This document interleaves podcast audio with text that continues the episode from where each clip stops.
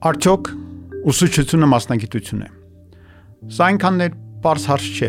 եւ լայն քննարկվում է գրականությունում։ Շատ երկրներում ուսուցիչ լինելը դադարել են կալվել որպես մասնագիտական կարողություն եւ ուսուցչությունը ընդհանրապես չի ընկալվում որպես մասնագիտություն։ Ցավոք Հայաստանը բացառություն չէ։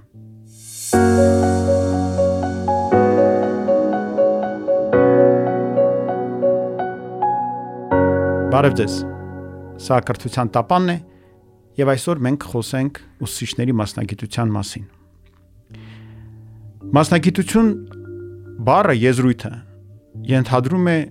3 հատկանիշ։ Մասնագետը պետք է ցուցաբերի գիտելիք, ինքնուրույնություն եւ երրորդը պատասխանատվություն։ Երբ հանրությունը չի վստահում ուսուցչին, պատճառը հենց այս 3 կետերն են դրանց շուրջ անհանգստությունը կամ անվստահությունը։ Արդյոք մեր բոլոր ուսուցիչները ունեն բավարար գիտելիք եւ խոսքը միայն եւ հիմնականում առարկական գիտելիքի մասին չէ։ Արդյոք նրանք ունեն բավարար ինքնուրույնություն, թե ամեն քայլափոխին մատնանշում են ծրագրի պահանջները, դպրոցի պահանջները,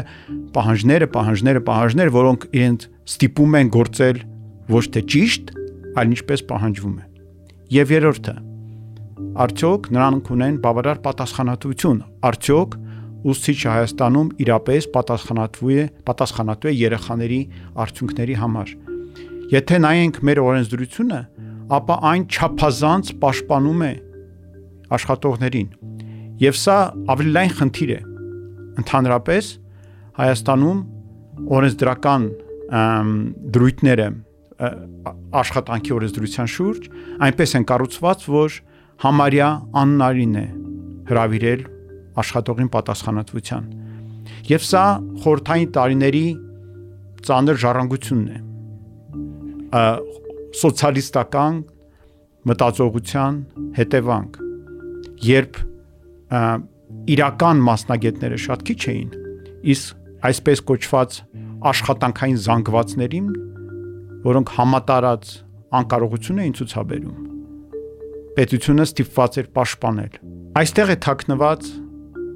ուսուցիչների մասնագիտության կամ ուսուցիչների նկատմամբ վերաբերմունքի հիմնական խնդիրը։ Հանդրությունը չի վստահում իրենց, քանի որ իրենք չեն ցուցաբերում մասնագետներին հատուկ հատկանիշներ։ Դրան հակառակ կրկնուսույցները օրինակ ունեն բավարար պատասխանատվություն, քանի որ ստանձնում են այդ պատասխանատվությունը, որ երեխան քաղաքթարի քնությունները ունեն ինքնուրույնություն, իրենք են որոշում ինչպես գործել եւ իրենք են սահմանում ընթացքը պարապմունքների եւ բնականաբար ենթադրվում է, որ եթե ծնողը ընտրում է այդ կրկնուսուցին, ապա վստահում է իր գիտելիքներին։ Զավեշտն այն է, որ Հայաստանում բոլոր կրկնուսուցիչները նաև ուսուցիչներ են եւ փաստորեն ուսուցչի կարգավիճակով նա ճունի այդ ընկալում է այդ վստահությունը իսկ կրկնուսուցի կարգավիճակով ունի ինչպես ասացի գիտելիքը բնավ միայն առարկայի իմացությունը չէ չնայած որ դա շատ-շատ կարևոր է ուսուցչի համար չպետք է լինի ֆիզիկայի ուսուցիչ պետք է լինի ուսուցիչ մասնագետ ուսուցիչ որը դասավանդում է ֆիզիկա առարկան կամ ֆիզիկա առարկայի միջոցով իրականացնում է իր ուսուցչական նպատակը։ Իր աշխատանքը պետք է լինի ուսուցիչ լինելը, ոչ թե ֆիզիկա դասավանդելը։ Եվ սա մեծ տարբերություն է։ Ես հիմա ոչ այնքան տեղին համեմատություն կանեմ, որը ընդհանրապես կոչված է parzabanելու իմ միտքը Դիցուկ մենք ընտրում ենք կահույքագործի, որը պետք է իրականացնի մեզ համար մի ինչ-որ աշխատանք։ Ասենք կահույք պատրաստի մեր ննջասենյակի համար։ Մենք բնականաբար ի սկզբանե ենթադրում ենք, որ եթե նա վատ արեց իր աշխատանքը, մենք կվիճարկենք վճարումը։ Մենք ենթադրում ենք, որ նա լավ կանի աշխատանքը։ Մենք նաև ենթադրում ենք, որ նա ամբողջապես գիտի ինչպես պետք է դա անել, եւ իր մեջ պարունակում է այն որակական չափանիշները, որոնցով ինքն իրեն կվերահսկի եւ կդատի իր աշխատանքի արդյունքը։ Մենք չենք ենթադրում, որ մենք չլինելով մասնագետ պետք է որոշենք արդյոք նա լավ է սարքել կահույքը թե վատ։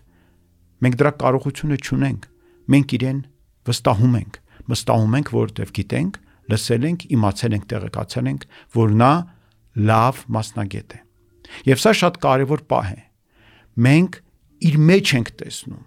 այն որակական չափանիշները, որոնցով պիտի որոշվի այն կահույքի որակը, որ նա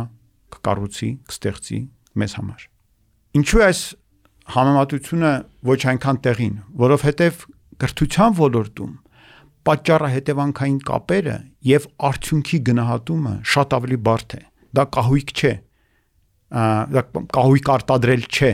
որ մենք պետք է կարողանանք տեսնելով դատենք մարդու կրթության արդյունքում ստացած կարողությունները, գիտելիքները այնքան էլ չափելի եւ տեսանելի չեն կամ այսպես ասեմ, դրանց չափումը շատ սահմանափակ տեղեկություն է մեզ տալիս։ Այնպես որ դատել ուսուցչի աշխատանքի արդյունքի մասին չափազանց դժվար է։ Եվ ել ավելի կարևոր է այդ պարագայում որ เป զի ուսուցիչը կարողանա ինքն իր մեջ ունենալ այն որակական չափանիշները, որոնցով նա ուսուցիչը սահմանում է իր աշխատանքի արդյունքը։ Ավելին ասեմ, կրթության մեջ չկա միանշանակ պատճառահետևանքային կապ։ Երբ փայտագործը մի ինչ որ բան նախաձեռնում է, նա գիտի ինչպիսի արդյունք կստանա։ Նա գիտի, որ փայտը կտրելով, սղոցելով նա կստանա որոշակի լայնքի ասենք ձող կամ մի այլ բաղադրիչ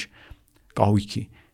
ուսուցիչը նման վստահություն չունի նա ինչ որ բան անում է բայց չգիտի դրա արդյունքը նա միայն հավատում է որ այդպես է ուսուցչությունը եւ ընդհանրապես կրթությունը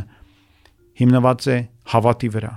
Իսկ դա նշանակում է, որ ել ավելի կարևոր է, որպեսզի ուսուցիչը անընդհատ զբաղվի ինքնավերլուծությամբ, անընդհատ զբաղվի սեփական կարողությունների զարգացմամբ, որպեսզի չսխալվի, որպեսզի իր հավատը լինի կայուն եւ ամուր եւ հիմնված լինի իրականության դիտարկման վրա,